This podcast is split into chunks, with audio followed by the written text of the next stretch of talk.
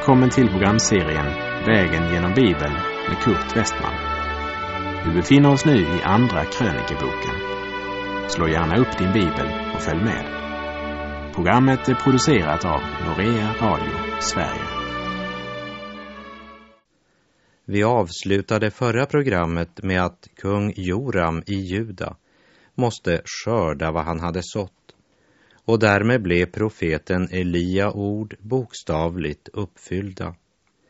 Men det var inte bara Joram som drabbades av Guds dom, men också det folk som hade vandrat i Jorams fotspår.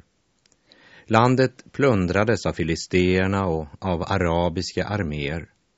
Och Joram, han dog i en sjukdom som först förorsakade svåra plågor i cirka två år och han gick bort utan att bli saknad. Och man begravde honom i Davids stad men inte i kungagravarna. Vi läser i Andra krönikerbok kapitel 22 och vers 1. Och Jerusalems invånare gjorde Ahasja, hans yngste son, till kung efter honom. Ty alla de äldre hade blivit dräpta av den erövrarskara som med araberna hade kommit till lägret. Så blev då Ahasja, Jorams son, kung i Juda. Namnen kan ju verka lite grann förvirrande eftersom det ibland används olika namn för samma person. Dessutom så fanns det medan Joram var kung i Juda en kung i Israel som hette Ahasja. Och när Jorams son, som också hette Ahasja, blev kung, då hade Israel en kung som också hette Joram. Så båda namnen förekom växelvis både i Juda och i Nordriket Israel. Om du vill så kan jag sända dig en liten översikt över kungarna i Israel och i Juda under den här tiden, vilket gör det lättare att skilja på dessa namn. Ahasja, här i Andra krönikerbok kapitel 22, vers 1, är samma person som omtalas under namnet Joahas i kapitel 21. Och han är den enda överlevande av Jorams söner. Och orsaken till att han överlevde, det var Guds löfte till David som vi läste när vi vandrade genom Första Konungabok. Och som det stod i Första Konungabok 11.36. En stam ska jag ge åt hans son så att min tjänare David alltid har en lampa inför mitt ansikte i Jerusalem. Den stad som jag har utvalt åt mig för att där fästa mitt namn. Vi läser i Andra krönikebok 22, vers 2 till och med 4. 42 år gammal var Ahasja när han blev kung och han regerade ett år i Jerusalem. Hans moder hette Atalja, Omris dotter. Också han vandrade på Ahabs hus vägar, ty hans moder var hans rådgiverska i ogudaktighet. Han gjorde vad ont var i Herrens ögon, liksom Ahabs hus. Ty därifrån tog han, efter sin faders död, sina rådgivare till sitt eget fördärv. Formellt är det alltså Ahasja som blivit kung, men den som egentligen styr judatron är hans mor Atalja, dotter till den ogudaktiga Ahab och Isabel. Atalja gav faktiskt aldrig upp sin position. Det var hon som vände sin man Jorams hjärta bort från Gud. Och nu är det hennes son Ahasja som lyssnar till hennes råd.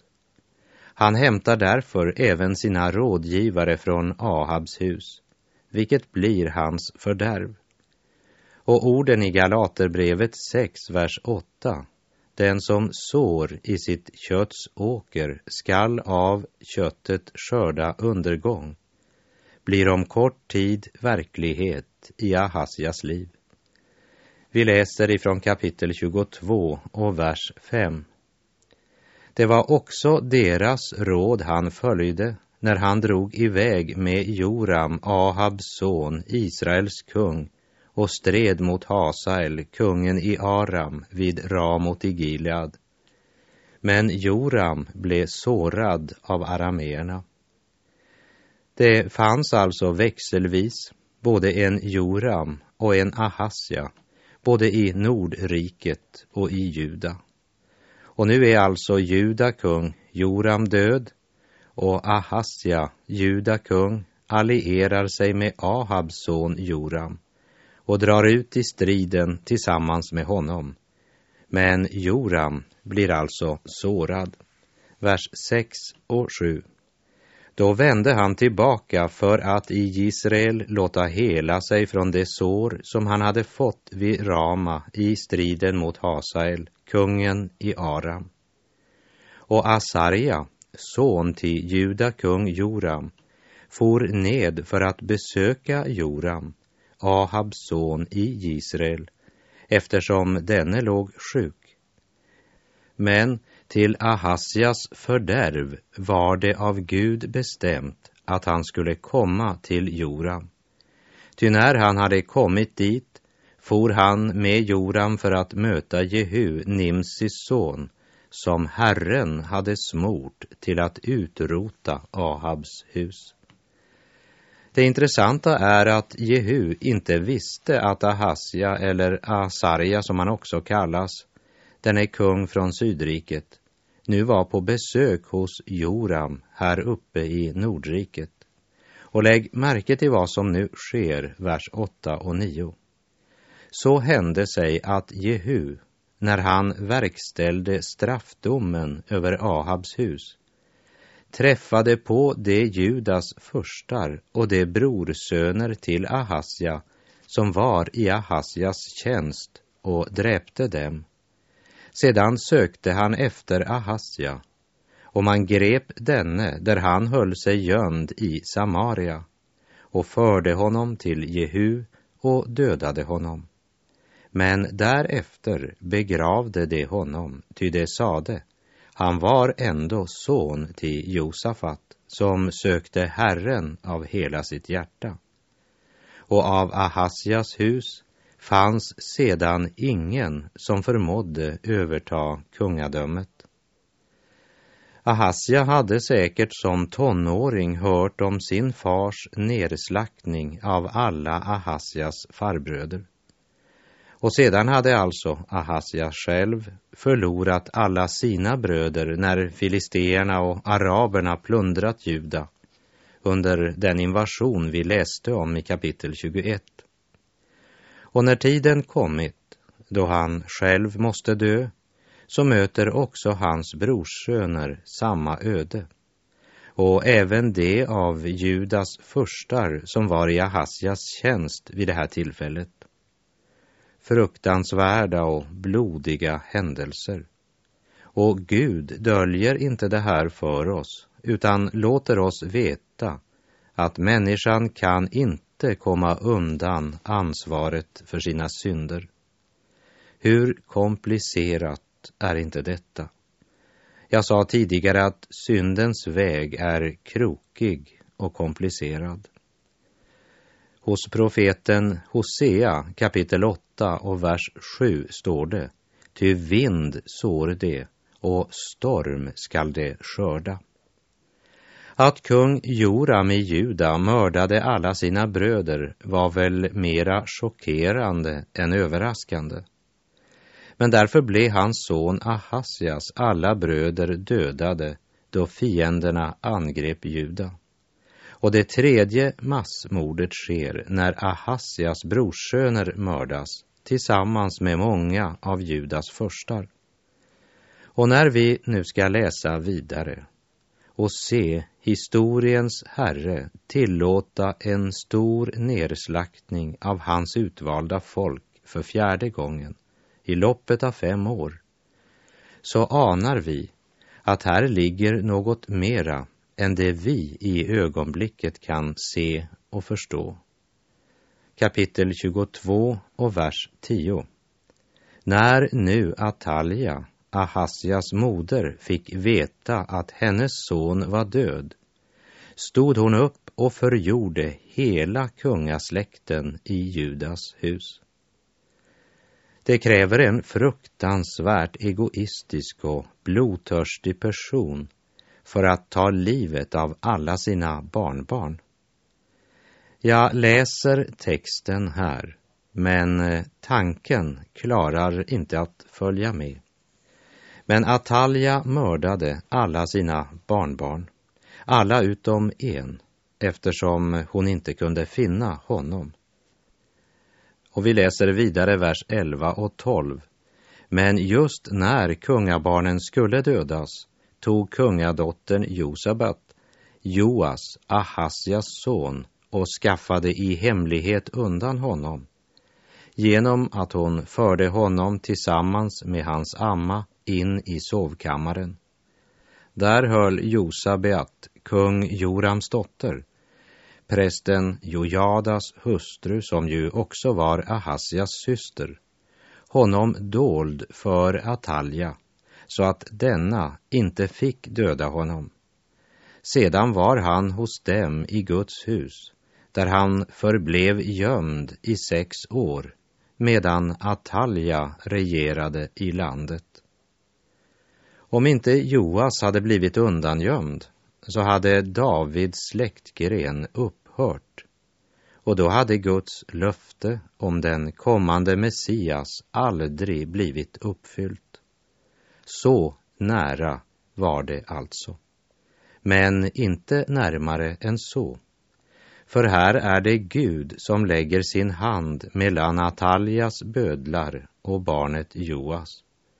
Och den Gud använder till den här viktiga räddningsaktionen är kungadottern Josabeat. Men här ser vi Satans desperata försök att krossa den släkt som ska leda fram till Kristus. Precis som hans desperata försök när han försökte döda alla gossebarn av Israels barn i Egypten. Han försökte också genom agaiten Haman att utrota alla judar under Ahasveros tid. Den Ahasveros som regerade från Indien ända till Etiopien över 127 hövdingdömen, som vi ska se närmare på när vi ska vandra genom Esters bok. Också efter att Jesus var född försökte Satan att döda Jesus genom att Herodes beordrade att alla barn under två år skulle mördas. Och här i Andra krönikerbok kapitel 22 så har han ännu en gång försökt. Och han har lyckats reducera Davids släktgren så att det bara var kvar en enda, nämligen den unge Joas, som bara var ett år gammal då han blev undangömd. Han blev gömd i templet i sex år och under den tiden regerade den blodtörstiga och hänsynslösa drottningen Atalja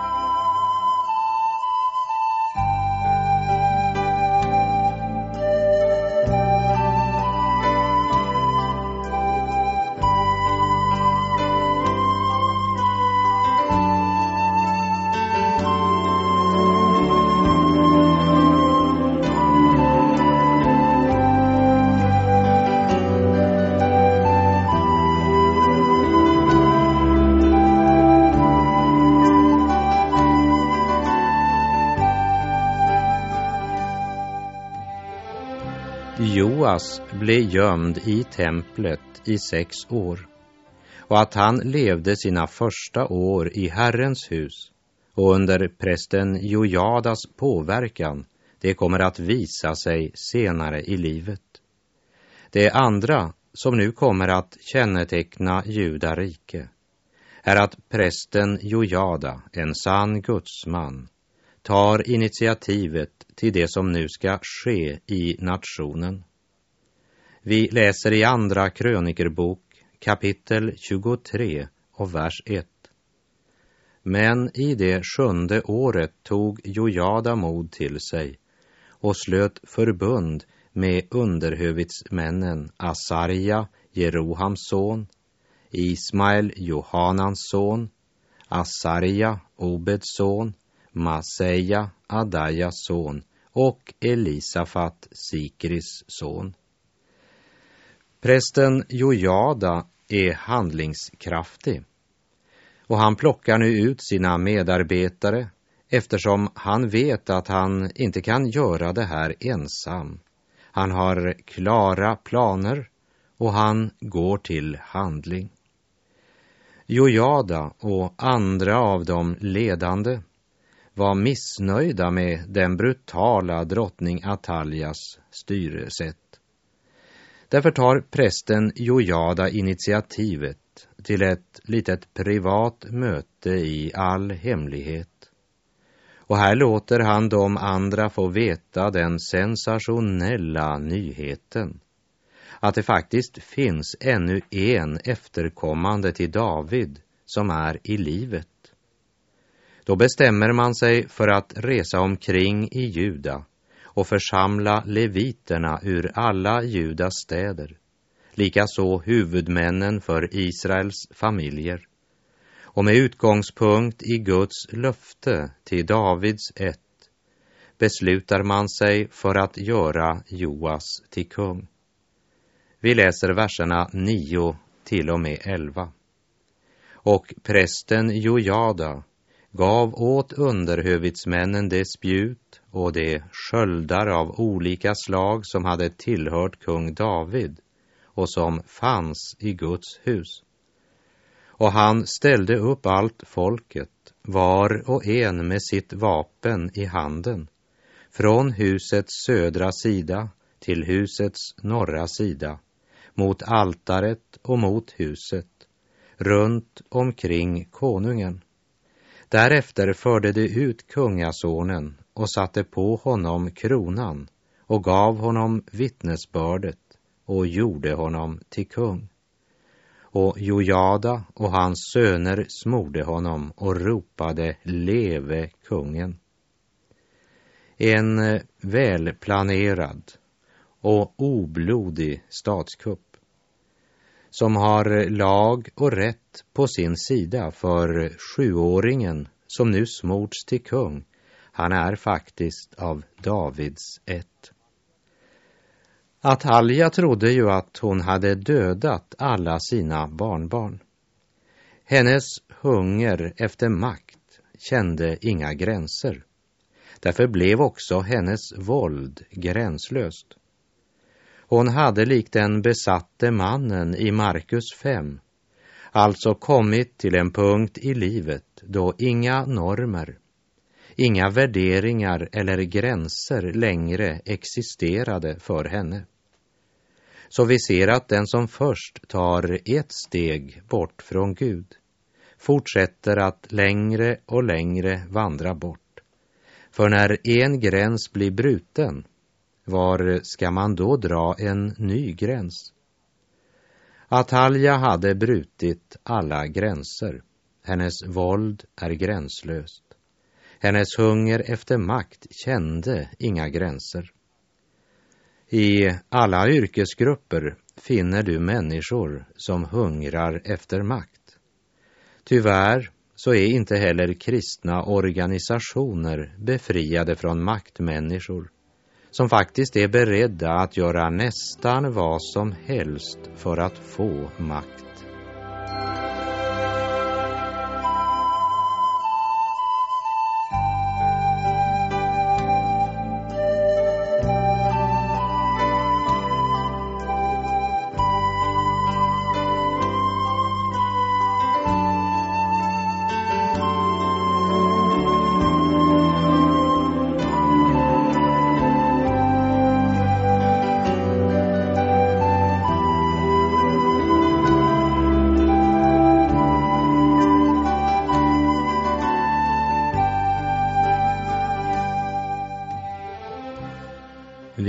Läser i Andra krönikerbok kapitel 23 och vers 12.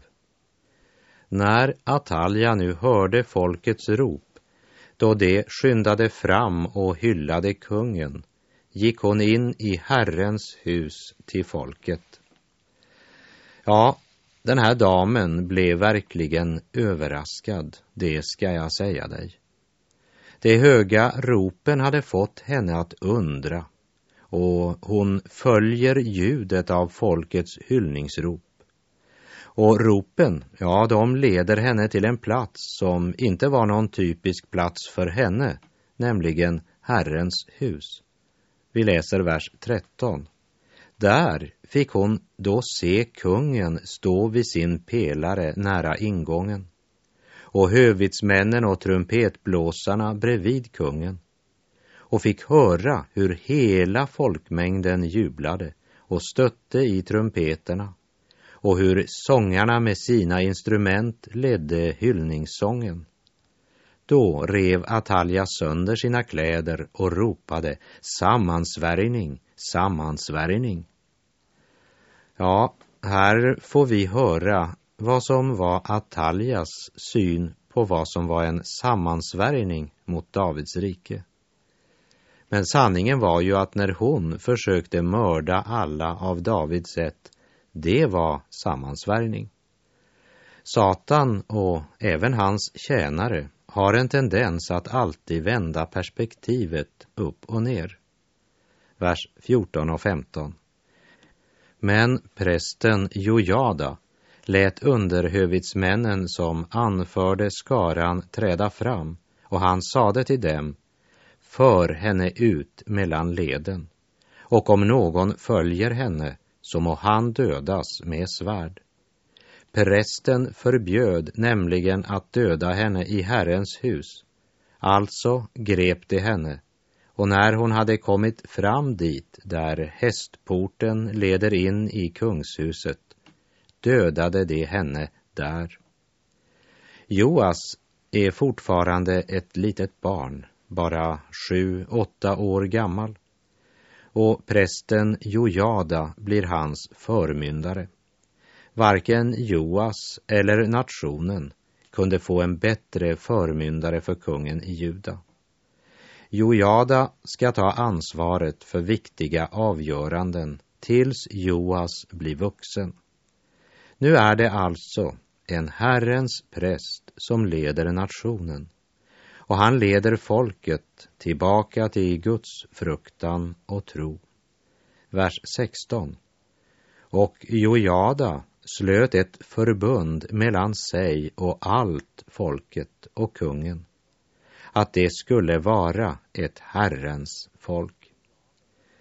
Jojada bryter ner Balsaltarna och dödar Balsprästerna och han anförtrodde de levitiska prästerna de uppgifter som David fördelat för tjänstgöringen i Herrens hus för att offra brännoffer åt Herren, så som det var föreskrivet i Mose lag.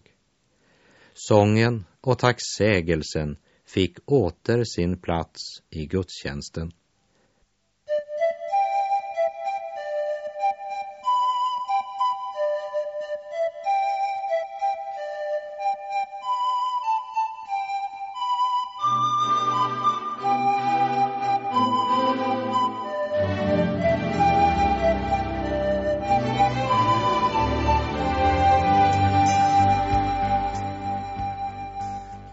Läser vers 19. Och han ställde dörrvaktarna vid portarna till Herrens hus för att ingen skulle komma in som på något sätt var oren. Ja, helig, helig, helig är Herren Sebaot. Och från och med nu släpps inte vad som helst in i Herrens hus. Och vi lägger märke till att man började i templet, inte i kungens palats. Men efter att Joas blivit smord till kung inför Herren i Guds hus, så går man till palatset och sätter kungen på kungatronen. Och vi läser de två sista verserna i Andra krönikerbok 23, vers 20 och 21.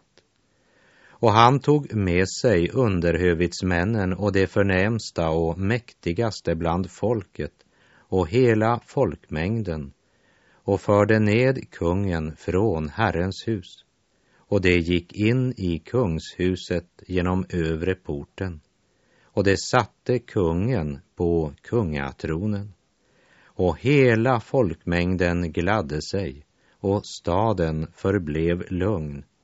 Men Atalja hade det dödat med svärd. Atalja blev offer för syndens bedrägeri. Det såg en stund ut som om hon skulle vinna hela världen. Men hon bedrog sig själv, för Gud bedrar man inte. Och så upptäcker hon att när uppgörets stund har kommit är alla flyktvägar stängda. Det ges ingen utväg mer. Men evigheten ger henne följande överskrift. Förlorad.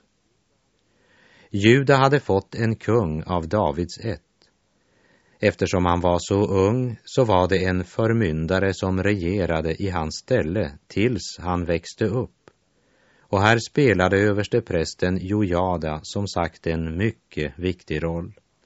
Och med Ataljas död och en av Davids ett på tronen så följer den väckelse som var så nödvändig i Juda. Vår sol ska slockna, jord förgås, men aldrig Kristi lära. Vårt liv en gång av graven nås, Guds ord kan liv oss bära. Guds ord ske ära, pris och makt, Guds ord skall upphöjt vara. I kojans nöd, i slottets prakt, Guds ord, det ljusa, klara. I syndens mörker, världens natt, Guds ord är oss till lykta satt, Guds ord det uppenbara. Och med det så är vår tid ute för den här gången. Så ska vi i nästa program se på både början och slutet av Joas regering. Och till dess så säger jag på återhörande om du vill. Herren vare med dig. Må hans välsignelse vila över dig. Gud är god.